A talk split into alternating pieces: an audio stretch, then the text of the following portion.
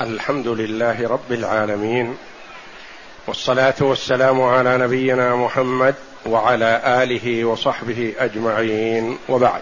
بسم الله. بسم الله الرحمن الرحيم. قال المؤلف رحمه الله تعالى باب كيفية الصلاة على النبي صلى الله عليه وسلم. الحديث السابع عشر بعد المئة. عن عبد الرحمن بن أبي ليلى قال لقيني كعب بن عجرة فقال ألا أهدي لك هدية؟ إن النبي صلى الله عليه وسلم خرج علينا فقلنا يا رسول الله قد علمنا كيف نسلم عليك فكيف نصلي عليك؟ قال قولوا اللهم صل على محمد وعلى آل محمد كما صليت على إبراهيم وعلى آل إبراهيم إنك حميد مجيد. وبارك على محمد وعلى آل محمد كما باركت على إبراهيم وعلى آل إبراهيم إنك حميد مجيد. هذا الحديث في بيان صلاة الصلاة على النبي صلى الله عليه وسلم. قيل المراد الصلاة مطلقا وقيل الصلاة عليه في الصلاة. يقول عبد الرحمن بن أبي ليلى أحد علماء التابعين رحمه الله لقيني كعب ابن عجرة. في بعض الروايات الأنصاري وفي بعضها البلوي. وقيل الجمع بينهما بأنه بلوي القبيلة من قبيلة بلي وحليف للأنصار لأن الأنصار ليس قبيلة وإنما هي صفة مناصرة النبي صلى الله عليه وسلم.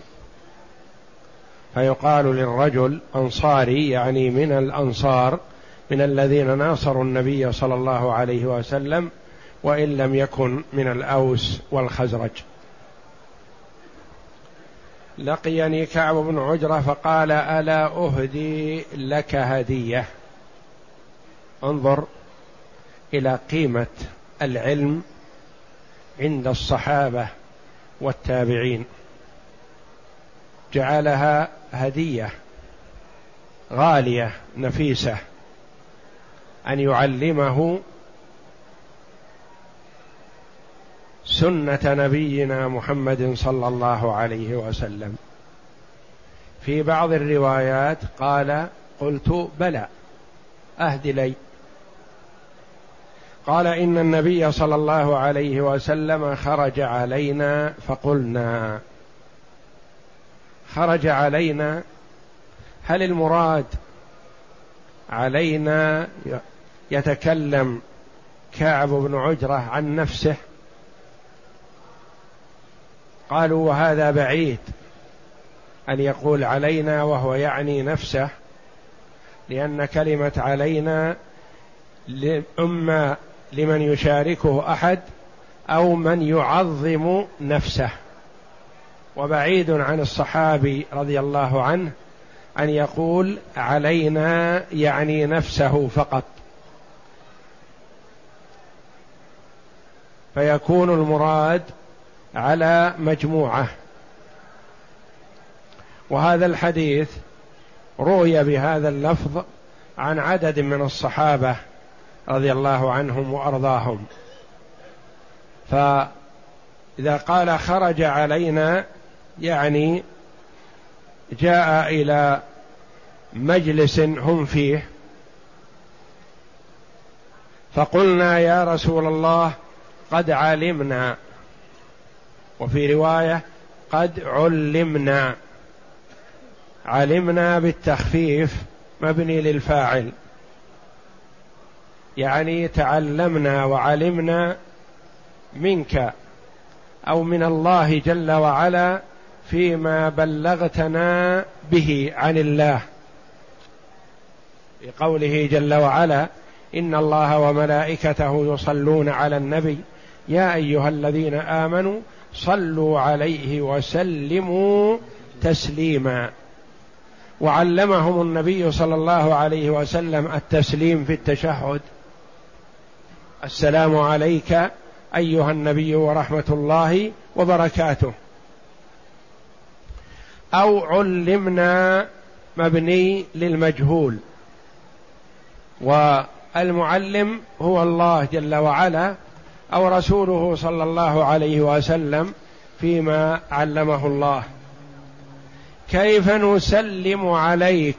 يعني في الحديث السابق عرفوا السلام على النبي صلى الله عليه وسلم بقوله عليه الصلاة والسلام وتعليمهم التحيات لله والصلوات والطيبات السلام عليك أيها النبي ورحمة الله وبركاته. هذا الذي علموا. فكيف نصلي عليك؟ كأنهم يقولون أمرنا من قبل ربنا جل وعلا أن نصلي ونسلم عليك. وقد علمنا السلام فنحب أن تعلمنا الصلاة حتى نأتي بها على الوجه المشروع. ولا نتكلم بكلام مبني على اجتهاد أو استحسان منا لأن الأمور الشرعية تؤخذ من مصادرها من كتاب الله وسنة رسوله صلى الله عليه وسلم. لا بالإجتهاد ولا بالرأي ولا بالإستحسان. فإذا وجد النص فلا مجال لغيره. فأرادوا أن يعلموا الصفة والكيفية التي يؤدون بها الصلاة على النبي صلى الله عليه وسلم المشروعة. وفعلا علمهم النبي صلى الله عليه وسلم بالصلاة عليه وعلى آله. وما ورد في القرآن إن الله وملائكته يصلون على النبي. ما يدرون الصحابة كيف يصلون. فأخبرهم النبي صلى الله عليه وسلم. فقال قولوا. قال بعض العلماء هذه الكلمة يؤخذ منها الوجوب. لأن الأمر يقتضي الوجوب. والنبي يقول قولوا. قال بعضهم هذه الكلمة تقتضي الوجوب لكن صرفها صارف. في الحديث السابق لما علمهم النبي صلى الله عليه وسلم التشهد قال فإنكم إذا فعلتم ذلك فقد سلمتم على كل عبد صالح في السماء والأرض وفيه فليتخير من المسألة ما شاء. يعني أنه أدى ما عليه ما بقي عليه إلا أن يسأل يسأل الله. فلم يذكر هناك الأمر بالصلاة على النبي. فلذا قالوا الأمر للاستحباب.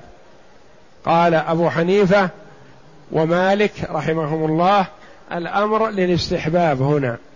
والصلاة على النبي صلى الله عليه وسلم للاستحباب. وقال الشافعي وأحمد رحمهم الله الأمر للوجوب والصلاة هنا للوجوب فيجب الصلاة على النبي صلى الله عليه وسلم في الصلاة. قال قولوا اللهم أصلها يا الله. فحذفت يا حرف الندى وأتي بدلها بالميم المفخمة. يا الله. اللهم. وقال بعض السلف إذا دعا المرء بقوله اللهم فقد سأل الله بكل أسمائه الحسنى. يعني يا الله المستحق للأسماء الحسنى. قولوا اللهم ولا يجمع بين اللهم والياء لأن الميم عوض عن الياء. إلا في النادر في الشعر كما قال القائل إني إذا ما حدث ألم أقول يا اللهم يا اللهم.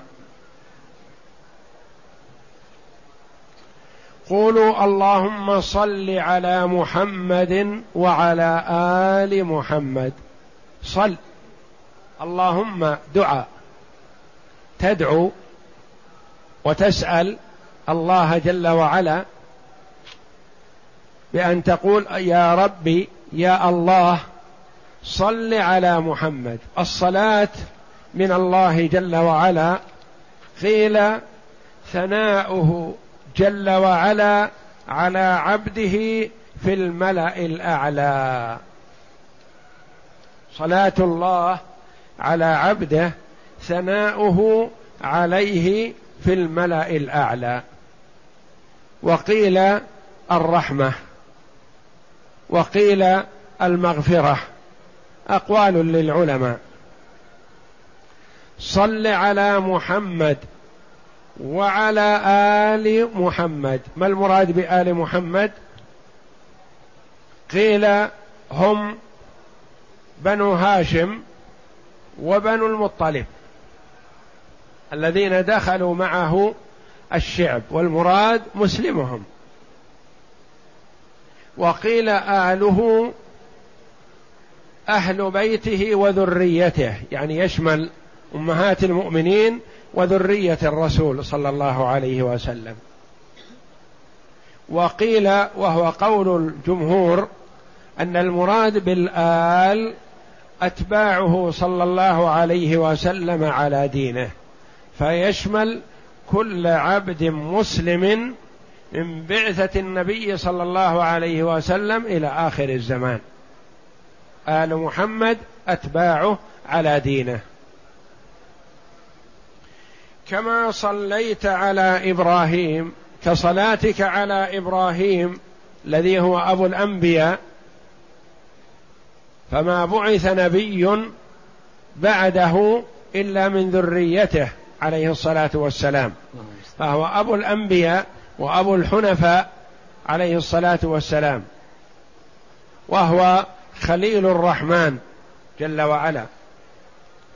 وعلى آل إبراهيم المراد بآل إبراهيم أتباعه من اتبعه على الحنيفية فيشمل جميع الأنبياء الذين بعثوا بعد إبراهيم. ويشمل كل عبد صالح آمن بإبراهيم عليه الصلاة والسلام. هم آل إبراهيم. وكل من أحب إبراهيم واتبعه في دعوته فهو من آله. وعلى آل إبراهيم إنك حميد مجيد. ثناء على الله جل وعلا بأنه حميد محمود جل وعلا في جميع صفاته وأفعاله وأحكامه جل وعلا. مستحق للحمد. مجيد ذو المجد والعزة والعظمة والكبرياء. فهذان الاسمان يجمعان الأسماء الحسنى كلها. وبارك على محمد. أنزل البركة وزد.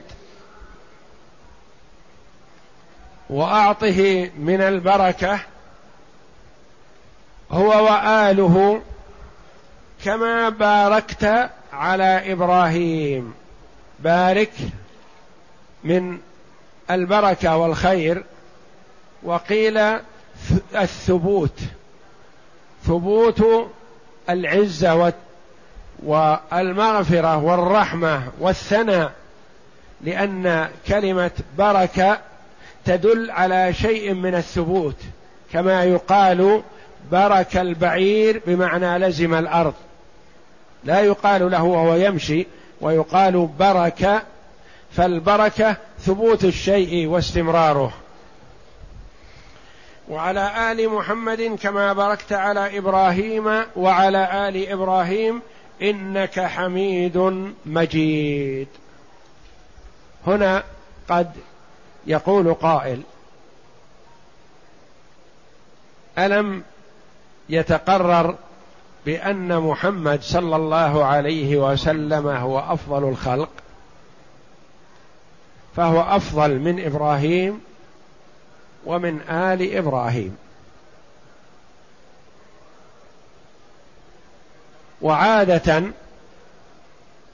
المشبه يكون دون المشبه به. فنحن طلبنا لمحمد مثل إبراهيم وآل إبراهيم. وإبراهيم دون محمد. فكيف هذا؟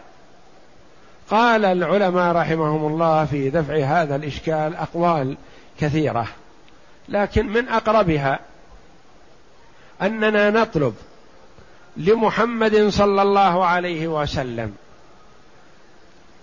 مثل ما لابراهيم وآل إبراهيم. حق إبراهيم ثابت وحق آل إبراهيم من بعثة إبراهيم عليه السلام على من آمن به إلى أن يرث الله الأرض ومن عليها. كل هؤلاء آل إبراهيم. ومحمد واحد من آل إبراهيم. فمحمد له فضل والأنبياء لهم فضل والصالحون لهم فضل. فنحن نطلب لمحمد من الفضل والصلاة والبركة مثل ما له هو وما للأنبياء قبله من بعثة إبراهيم وما لكل عبد صالح.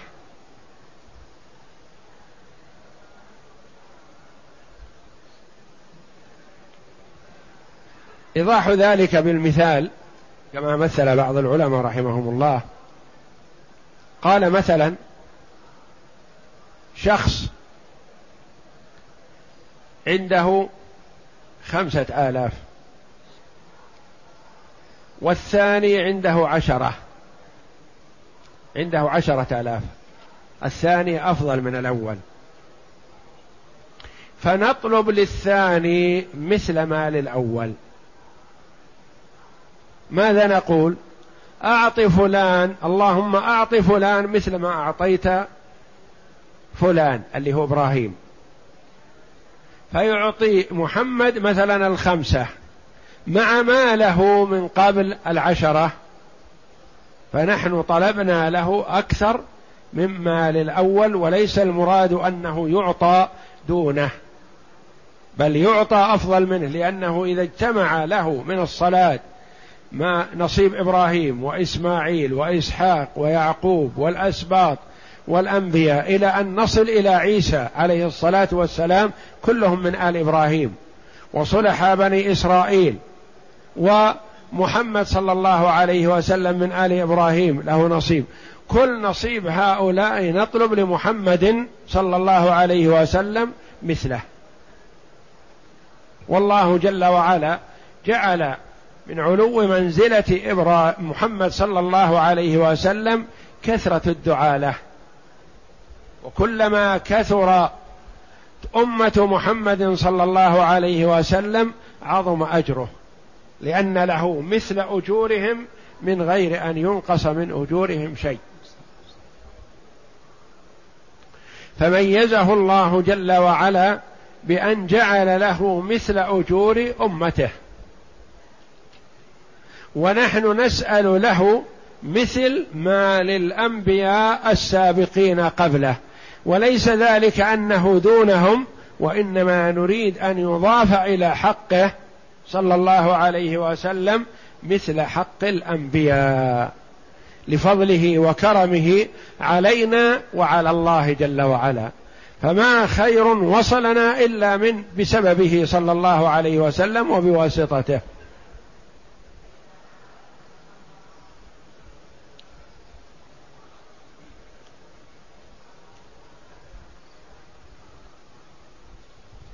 اقرأ اختلاف العلماء. اختلاف العلماء. ذهب الإمامان الشافعي وأحمد إلى وجوب الصلاة على النبي صلى الله عليه وسلم في التشهد الأخير من الصلاة. ولو تركت لم تصح الصلاة. مستدلين بقوله صلى الله عليه وسلم حين سألوه كيف نصلي عليك؟ قال قولوا اللهم صل على محمد الحديث. وأصرح من ذلك ما أخرجه الحاكم وأبي حاتم في صحيحهما. كيف نصلي عليك في صلاتنا؟ الحديث. نعم. والصلاة على النبي صلى الله عليه وسلم للعلماء فيها رحمهم الله أقوال عدة. منهم من يرى أنها سنة مطلقة ومنهم من يرى أنها واجبة في العمر مرة ومنهم من يرى أنها واجبة في كل صلاة ومنهم من يرى أنها مستحبة في الصلوات إلى آخره. وفضلها عظيم لأنه كما قال عليه الصلاة والسلام من صلى علي مرة صلى الله عليه بها عشرا. نعم. وذهب الإمامان أبو حنيفة ومالك وكثير من العلماء إلى أنها سنة لقول النبي صلى الله عليه وسلم بعد أن ساق التشهد إذا فعلت هذا فقد قضيت صلاتك. إذا فعلت هذا أي التشهد الأول الذي هو السلام عليك أيها النبي ورحمة الله وبركاته السلام علينا وعلى عباد الله الصالحين. أشهد أن لا إله إلا الله وأشهد أن محمدا رسول الله وأشهد أن محمدا عبده ورسوله المتقدم لنا.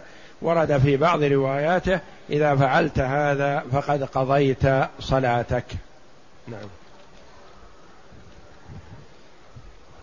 الأحكام أولا وجوب الصلاة على النبي صلى الله عليه وسلم في التشهد الأخير في الصلاة. قال أبو العالية صلاة الله على نبيه ثناؤه عليه وتعظيمه. وصلاة الملائكة الاستغفار. نعم. ثانيا أن من حق النبي صلى الله عليه وسلم أن ندعو ونصلي عليه لأنه لم يصلنا هذا الدين العظيم إلا على يديه. عليه الصلاة والسلام. نعم. ثالثا أنه صلى الله عليه وسلم علم أصحابه السلام والصلاة عليه. رابعا أن من أسباب علو شأن النبي صلى الله عليه وسلم ورفع درجاته دعاء أمته له صلى الله عليه وسلم. بهذا الدعاء المعثور الذي هو الصلاة والسلام عليه. نعم. خامسا أن السلف كانوا يتهادون مسائل العلم ويجعلونها تحفا قيمة وهي أفضل التحف والهدايا. يعني أفضل ما يهدي المرء على صاحبه أن يعلمه حديث رسول الله صلى الله عليه وسلم أو يقرئه آية من كتاب الله ويوضح له معناها. نعم. سادسا حميد مجيد الحمد والمجد إليهما يرجع الكمال كله فإن الحمد ملتزم للعظمة والجلال. مستلزم.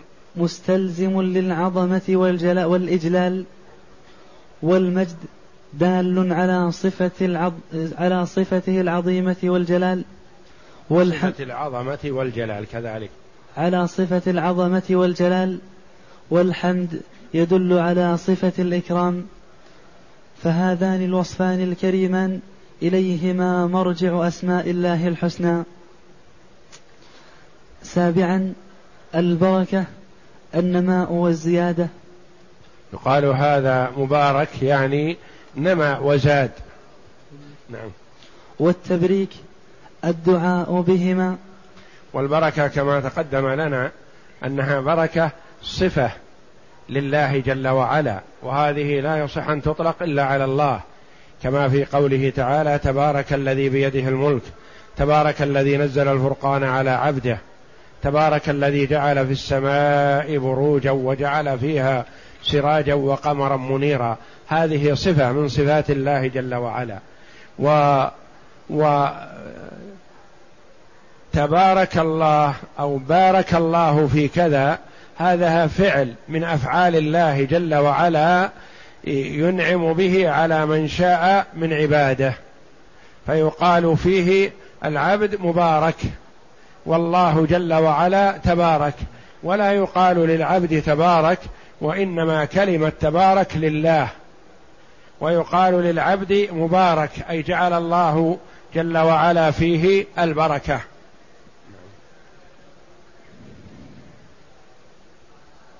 نعم. فبارك على محمد وآله يتضمن سؤال الله أن يعطي رسوله ما أعطاه لإبراهيم وآله من الخير وسعته ودوامه.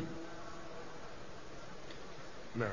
فائدة من المتفق عليه أن النبي محمد صلى الله عليه وسلم أفضل الخلق. وعند علماء البيان أن المشبهه أن المشبه أن المشبه أقل من المشبه به. المشبه وصل على محمد. كما صليت شبهنا الذي نطلب صلاة الله على محمد مثل صلاة الله على إبراهيم والمشبه دون المشبه به. تقول مثلا زيد مثل عمر في العلم أو في الكرم يعني أن شبهنا هذا بهذا. نعم. وعند علماء البيان أن المشبه أقل رتبة من المشبه به لأن الغرض من التشبيه إلحاق إلحاق به في الصفة عند النبيين فكيف يطلب من الله تعالى أن يصلي على محمد وآله صلاته صلاة كصلاته على إبراهيم وآله؟ حاول الإجابة عن هذا الإشكال العلماء بعدة أجوبة وأحسنها أن من قال إن هذا قبل أن يعلم النبي صلى الله عليه وسلم من ربه أنه أفضل من إبراهيم. ولكن هذا الجواب ضعيف لأنه لو كان هذا هو لا غير اللفظ بعدما علم صلى الله عليه وسلم. وذكر في فتح الباري آه، أمورا كثيرة لإيضاح هذا ولكن هذا الجمع من أجمعها. نعم. أن آل إبراهيم عليه السلام هم جميع الأنبياء من بعده ومنهم نبينا محمد نبينا صلى الله عليه وسلم وعليهم أجمعين. فالمعنى أنه يطلب للنبي وآله صلاة كالصلاة التي لجميع الأنبياء من لدن إبراهيم عليهم الصلاة والسلام. ومن المعلوم أنها كلها تكون أفضل من الصلاة للنبي صلى الله عليه وسلم وحده والله أعلم. نعم الفائدة الثالثة الفائدة الثالثة لما ذكر شيخ الإسلام ابن تيمية الأحاديث والطرق التي وردت في كيفية الصلاة على النبي صلى الله عليه وسلم بألفاظها المختلفة كما وردت بألفاظ مختلفة. قال رحمه الله إن بعض العلماء قال جمعها وأتى بها بأسلوب واحد المتعددة مثل التشهد مثل الاستفتاح مثلا. ويقول إن هذا خطأ. شيخ الإسلام رحمه الله يقول هذا خطأ وإنما يحسن بالمرء أن يأتي بهذا مرة ويأتي بهذا مرة هذا لا بأس لكن أن يجمعها كلها في شيء واحد في الصلاة مثلا على النبي صلى الله عليه وسلم وردت بعدة طرق يجمعها جميع ويأتي بها؟ لا. الاستفتاح مثلا ورد عن النبي صلى الله عليه وسلم بعدة ألفاظ نجمعها كلها جميع ونأتي بها كاستفتاح واحد. لا يقول إن هذا غير مناسب وإنما المناسب أن يأتي المرء بهذا أحيانا وبهذا أحيانا وبهذا أحيانا كالقراءات الثابتة عن النبي صلى الله عليه وسلم في قراءة القرآن. نعم باب الدعاء. باب الدعاء بعد التشهد الأخير. الحديث الثامن عشر بعد المئة.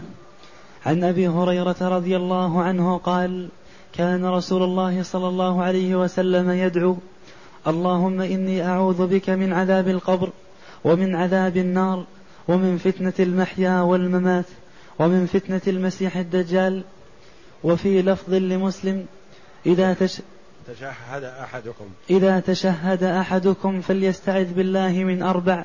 يقول اللهم إني أعوذ بك من عذاب جهنم. ثم ذكر نحوه.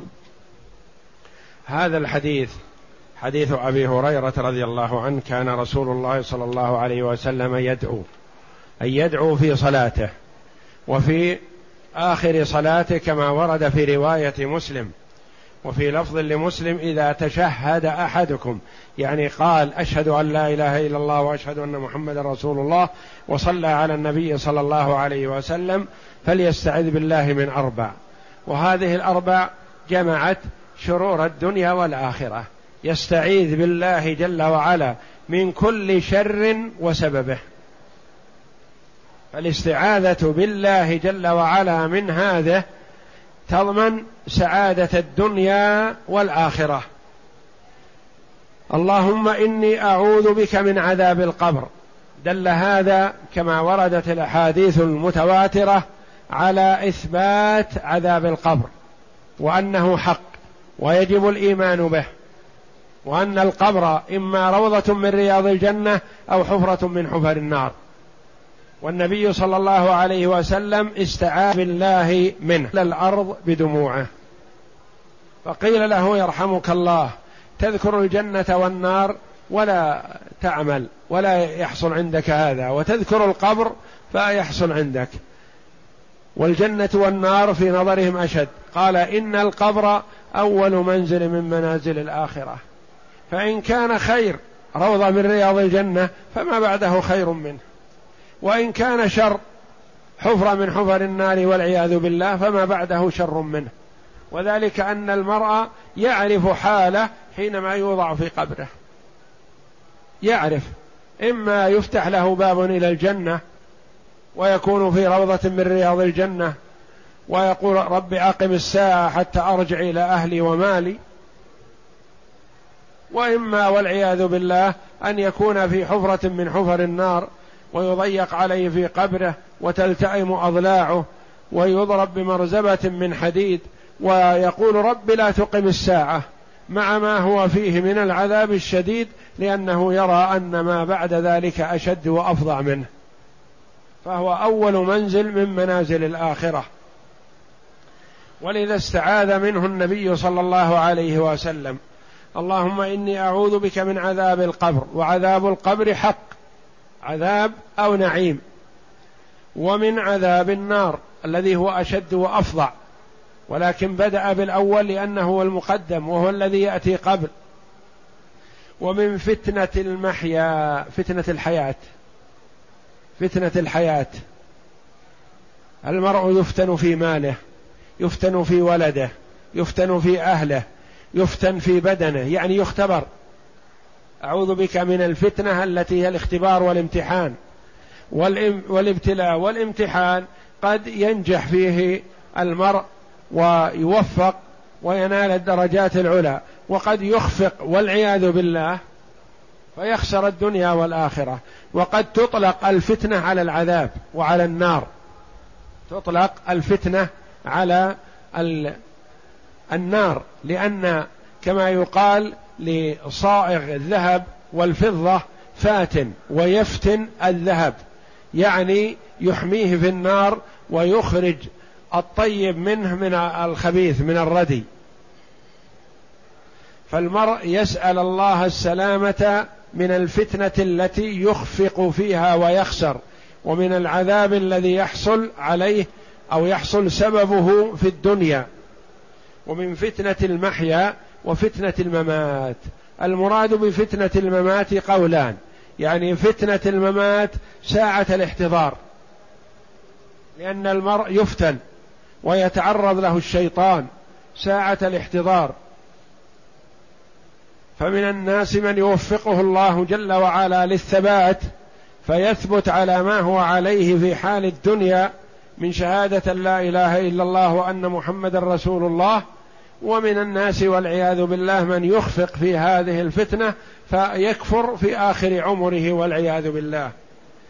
فتنة المحيا والممات. فإذا أريد بالفتنة الممات ما قرب التي هي قرب الأجل يكون فتنة المحيا فتنة العمر كله. وقد يراد بفتنة المحيا فتنة العمر إلى خروج الروح. وفتنة الممات أن المرأة يفتن ويمتحن في قبره. يسأل.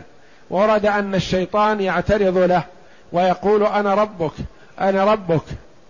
فيثبت الله الذين آمنوا بالقول الثابت في الحياة الدنيا وفي الآخرة.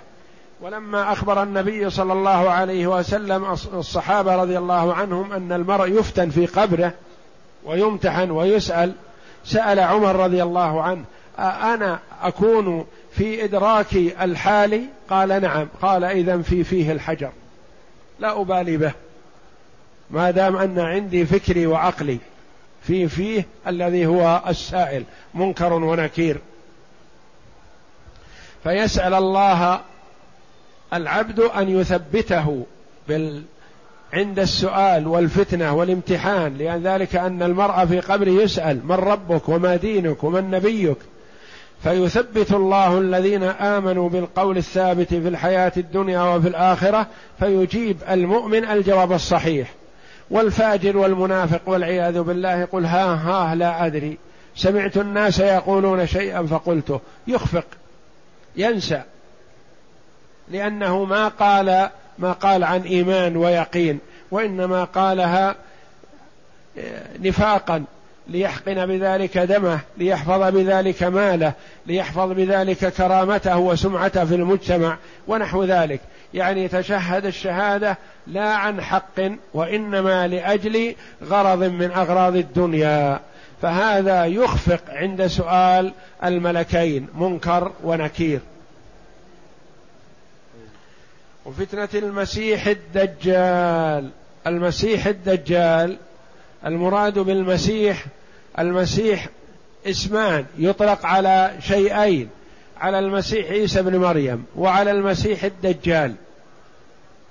والمسيح ابن مريم ينزل عليه الصلاة والسلام في آخر الزمان فيحكم بشريعة محمد صلى الله عليه وسلم. وسمي مسيح لأنه لأحد أمور ذكرها العلماء رحمهم الله. إما لأنه نزل من بطن أمه ممسوحا بالدهن. أو سمي مسيح لأنه ما يمسح على ذا عاهة إلا وبرئ يبرئ الأكمه والأبرص كما قال الله جل وعلا ويحيي الموتى بإذن الله. أو سمي مسيح لأنه يمسح الأرض ينطلق في الأرض. وذاك سمي المسيح ولا يطلق عليه المسيح فقط إلا يقال فيها المسيح الدجال. وذلك أنه أعور العين اليمنى ممسوحة وقيل الشق الأيمن من وجهه كله ممسوح ليس فيه عين ولا حاجب ولا شيء من هذا. وقيل مسيح لأنه يمسح الأرض بفتنته وينطلق في الأرض فالله أعلم. وأمر العبد بأن يستعيذ بالله من المسيح الدجال ومن كل ما شابهه من دعاة الفتنة والضلال. لأن كثير يدعو للفتنة والضلال والكفر والغي وهو يتظاهر بالحق. كما قال النبي صلى الله عليه وسلم دعاة على أبواب جهنم. يدعون كأنهم يدعون إلى الحق وهم يدعون إلى الضلال والكفر. فالعبد الصالح يسأل الله في صلاته السلامة من هذه الأمور العظام. نعم. المعنى الإجمالي هذه أدعية عظيمة هامة لأنها طلب الإعادة من أعظم الشرور وأسبابها ولهذا عني بها النبي صلى الله عليه وسلم عناية خاصة. وعلمها لأصحابه صلى الله عليه وسلم فقال إذا تشهد أحدكم فليستعذ بالله من أربع. نعم. فكان يدعو بها ويأمر بالدعاء بها وجعل موضع الدعاء بها دبر دبر الصلوات لأنه موطن إجابة. موطن إجابة آخر الصلاة. لأن مواطن الإجابة والحمد لله متعددة. منها السجود. موطن من مواطن الإجابة كما قال عليه الصلاة والسلام أما الركوع فعظموا فيه الرب وأما السجود فأكثروا فيه من الدعاء فقامن أن يستجاب لكم يعني حري أن يستجاب لكم. ودبر الصلاة. ولهذا قال العلماء إنه يستحب للمرء إذا أراد أن يدعو أن يدعو في أثناء الصلاة. ولا يؤخر دعاءه بعدما يسلم لأنه يدعو وهو بين يدي الله. في أثناء الصلاة أفضل من أن يدعو بعد أن ينصرف من صلاته نعم. وهي تشمل الاستعاذة من عذاب القبر وعذاب النار ومن شهوات الدنيا وشبهاتها ومن أغواء الشياطين عند الاحتضار وفتن القبر التي هي سبب عذابه ومن فتن الدجالين الذين يظهرون على الناس بصورة الحق وهم متلبسون بالباطل. وأعظم وأعظمهم فتنة الذي صحت الأخبار بخروجه في آخر الزمان. الذي هو المسيح الدجال. أعاذنا الله من الفتن. النبي صلى الله عليه وسلم حذر أمته منه تحذيرا شديدا. حتى فزع الصحابة وخاف وخافوا. قالوا كأنه يا رسول الله وراء آه، بنيان المدينة. كأنه أوشك أن يصل. من شدة تخويفه صلى الله عليه وسلم للصحابة رضي الله عنهم. فقال عليه الصلاة والسلام إن يأتي وأنا فيكم فأنا حجيج عنكم. وإن يأتي بعدما أنتهي فكل امرئ حجيج عن نفسه. نعم. أعاذنا الله من الفتن ما ظهر منها وما بطن. نعم. الأحكام المأخوذة من الحديث أولا استحباب هذا الدعاء عقب التشهد الأخير كما هو صريح بتقييد بتقييده بهذا المكان في صحيح مسلم ثانيا أن هذه الاستعاذة من, مهم من مهمات الأدعية وجوامعها لكون النبي صلى الله عليه وسلم جمعت الاستعاذة وطلب والطلب من الله بأن يعيذ العبد من شرور الدنيا والآخرة نعم. لكون النبي صلى الله عليه وسلم عني بها ولاشتمالها على الاستعاذة من شرور الدنيا والآخرة وأسبابها. ولذا أمر بتكريرها في هذه المواطن الفاضلة لرجاء الإجابة فيها. يعني يستعيذ بالله من هذه الأربع في كل صلاة. نعم. ثالثا ثبوت عذاب القبر وأنه حق. نعم. والإيمان به واجب. والاستفاء وال والاستفاضة الأخبار عنه بل تواترها. يعني الأحاديث متواترة في ثبوت عذاب القبر ونعيمه وأن العبد فيه إما في روضة من رياض الجنة أو حفرة من حفر النار. نعم. لاستفاضة الأخبار عنه بل تواترها. رابعا التحفظ من شبهات الحياة وشهواتها الآثمة فإنها سبب الشرور. يعني أن الإنسان يتحفظ ويهتم بطلب السلامة من الفتن فما شك فيه أبعد عنه لأن الفتن تعرض على القلوب كما يعرض الحصير عودا عودا يعني المرء تعرض عليه الفتنة الصغيرة فإذا قبلها جاءت التي أكبر منها وهكذا وهكذا حتى يظلم القلب والعياذ بالله من الفتن ومن القلوب من يكون ناصع وناصح ونظيف فإذا عرضت عليه الفتنة مجها وردها ولم يقبلها. نعم. خامسا التبصر بدعاة السوء وناشر الإلحاد والفساد. يعني الإنسان يهتم وينتبه لا يتبع كل ناعق وكل داع حتى يرى ويتأكد أنه يدعو إلى كتاب الله وسنة رسوله صلى الله عليه وسلم. وذكر النبي صلى الله عليه وسلم أنه في آخر الزمان تكثر الدعاة والذين يدعون إلى الضلال باسم الحق وكأنهم يتظاهرون بالحق. وكما قال النبي صلى الله عليه وسلم وستفترق هذه الأمة على ثلاث وسبعين فرقة كلها في النار إلا واحدة. قالوا من هي رسول الله؟ قال من كان علي ما من كان على مثل ما أنا عليه وأصحابي صلوات الله وسلامه عليه. تحذيرا للأمة من اتباع دعاة السوء. نعم. التبصرة بدعاة السوء وناشر الإلحاد والفساد فإنهم يخرجون على الناس باسم المصلحين المجددين وهم في الحقيقة الهادمون للفضيلة والدين.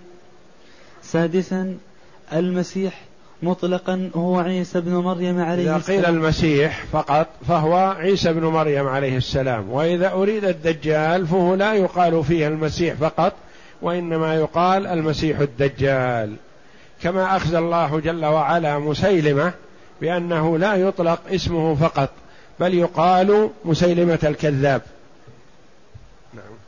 وإذا قيد بكلمة الدجال فهو رجل آخر. فتنة المحيا ما يتعرض له الإنسان مدة حياته من الانشغال بالدنيا والشهوات. لأن المرء قد يفتن في شيء ما وهو يظن أنه خير له. هو يسعى فيه ويحرص عليه. كالمال الحرام ونحوه يحرص على جمعه وتجميعه ويكون زاده إلى النار والعياذ بالله. وقد يقبل على عمل من الأعمال مفتونا به والعياذ بالله وهو ضرر عليه. نعم. ثامنا فتنة الممات هي فتنة القبر كما ورد في البخاري عن أسماء بنت أبي بكر وإنكم تفتنون في قبوركم مثل أو قريبا من فتنة الدجال. يعني تسألون وتناقشون فمن الناس من يوفقه الله جل وعلا للاستقامة والجواب السديد ومن الناس والعياذ بالله من يخفق.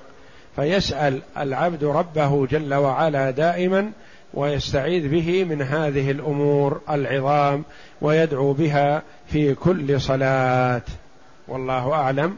وصلى الله وسلم وبارك على عبد ورسول نبينا محمد وعلى آله وصحبه أجمعين.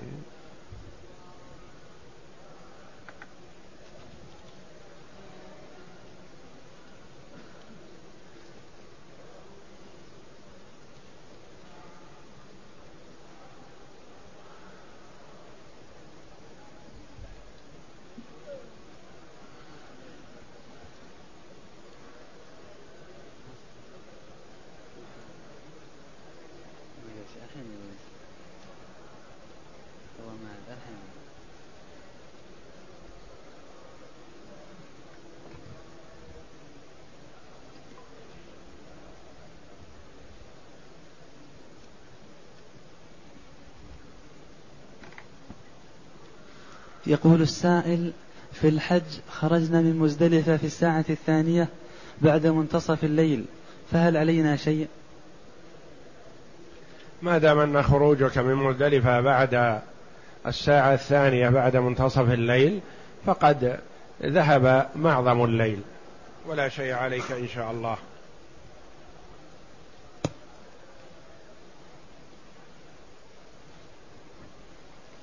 يقول السائل والدي توفي منذ ثمان سنوات وكذا والدتي. وأريد أن أقوم بكفالة يتيم عن طريقتي عني وعنهم. هذا ينفع بإذن الله لأن هذا من الصدقة.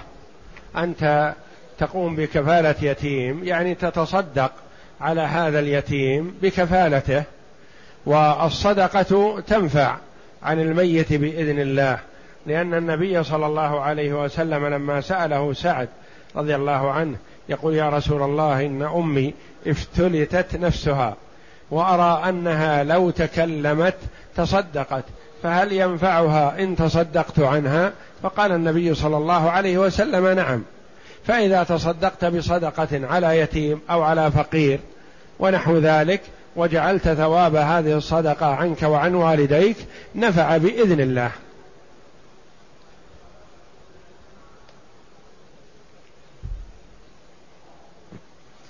يقول السائل ما معنى قولنا بعد الصلاة ولا ينفع ذا الجد منك الجد؟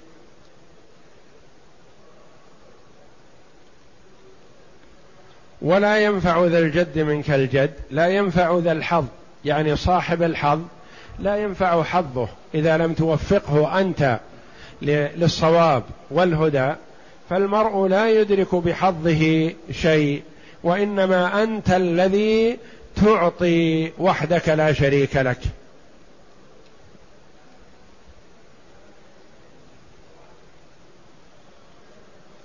يقول السائل الصلاة على النبي صلى الله عليه وسلم هل في الصلاة فقط أم خارج الصلاة؟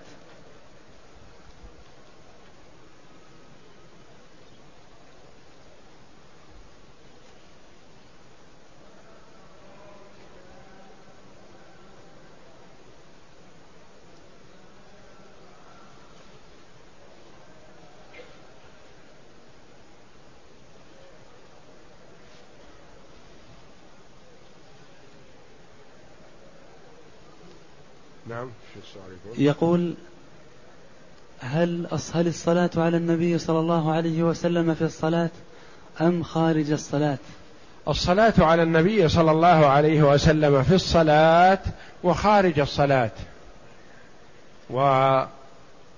وأوجبها بعض العلماء رحمهم الله عند ذكر اسمه عليه الصلاة والسلام لأن النبي صلى الله عليه وسلم قال البخيل من ذكرت عنده فلم يصلي علي. وحث صلى الله عليه وسلم على الصلاة عليه. والله جل وعلا أمر بذلك في كتابه في قوله تعالى إن الله وملائكته يصلون على النبي. يا أيها الذين آمنوا صلوا عليه وسلموا تسليما.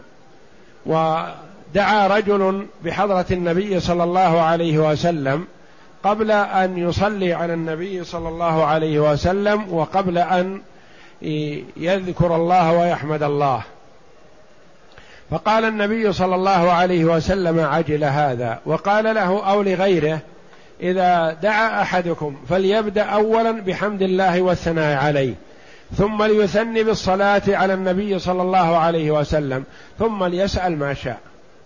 فمن أسباب الإجابة أن تبدأ بالحمد لله والثناء على الله ثم تصلي على النبي صلى الله عليه وسلم ثم تسأل ربك ما شئت من خيري الدنيا والآخرة.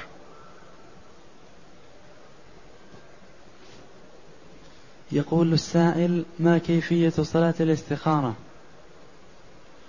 صفة صلاة الاستخارة أن يصلي ركعتين من غير الفريضة. إذا هم بأمر من الأمور الهامة كزواج أو بيع أو شراء أو سفر أو اتفاق ونحو ذلك من الأمور الهامة يصلي ركعتين من غير الفريضة.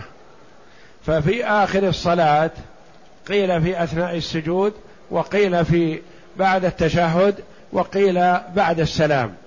يسأل الله جل وعلا قائلا اللهم إني أستخيرك بعلمك وأستقدرك بقدرتك وأسألك من فضلك العظيم فإنك تقدر ولا أقدر وتعلم ولا أعلم وأنت علام الغيوب. اللهم إن كنت تعلم أن هذا الأمر ويسميه باسمه خير لي في ديني ودنياي فيسره لي وبارك لي فيه.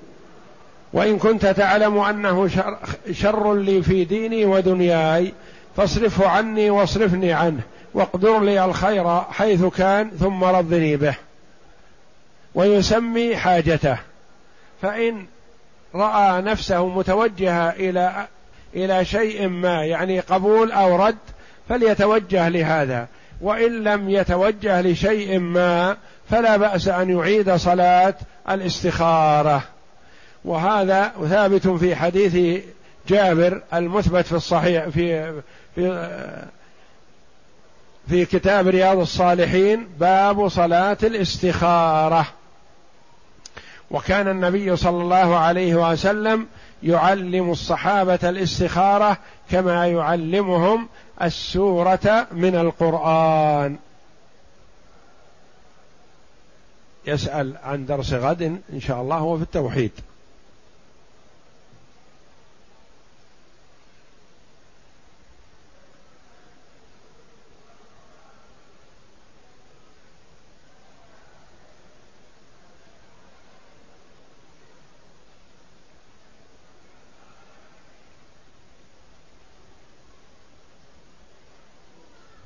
يقول السائل تعودت على صيام ثلاثة أيام من كل أسبوع وهي الاثنين والخميس والسبت وهي تيسير لي بالنسبة إلى موعد عملي فهل أستمر؟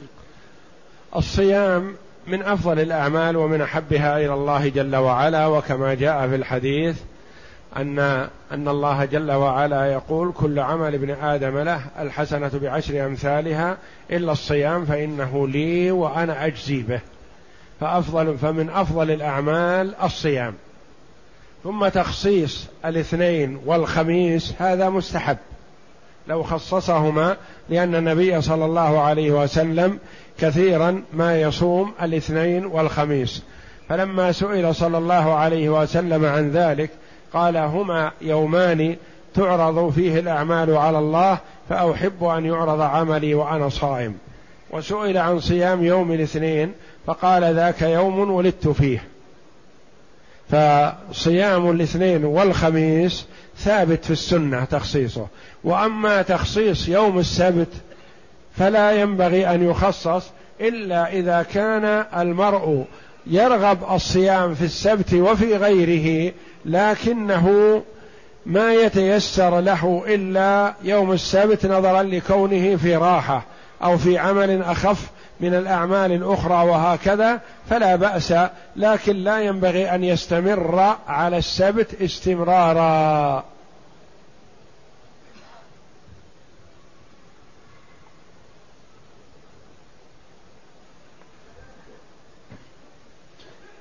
يقول السائل هل الركعتين تجزي تحية المسجد إذا كنت أخرج من المسجد بعد الصلوات؟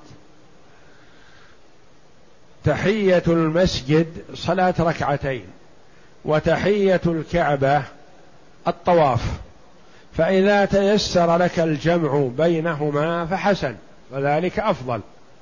وإذا لم ترد الطواف أو شق عليك فإذا دخلت فلا تجلس حتى تصلي ركعتين. فإذا صليت ركعتين فاجلس.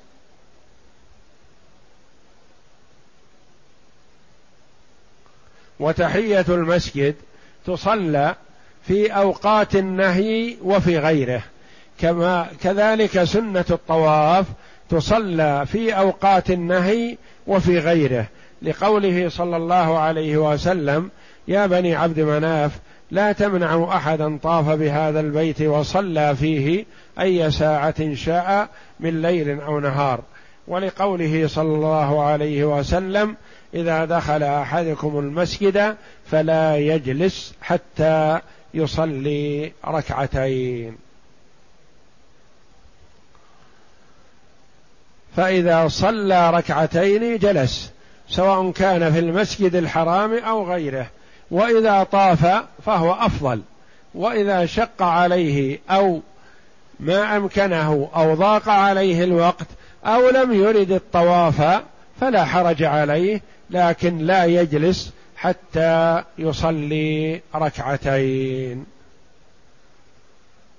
والله أعلم وصلى الله وسلم وبارك على عبده ورسول نبينا محمد وعلى آله وصحبه أجمعين.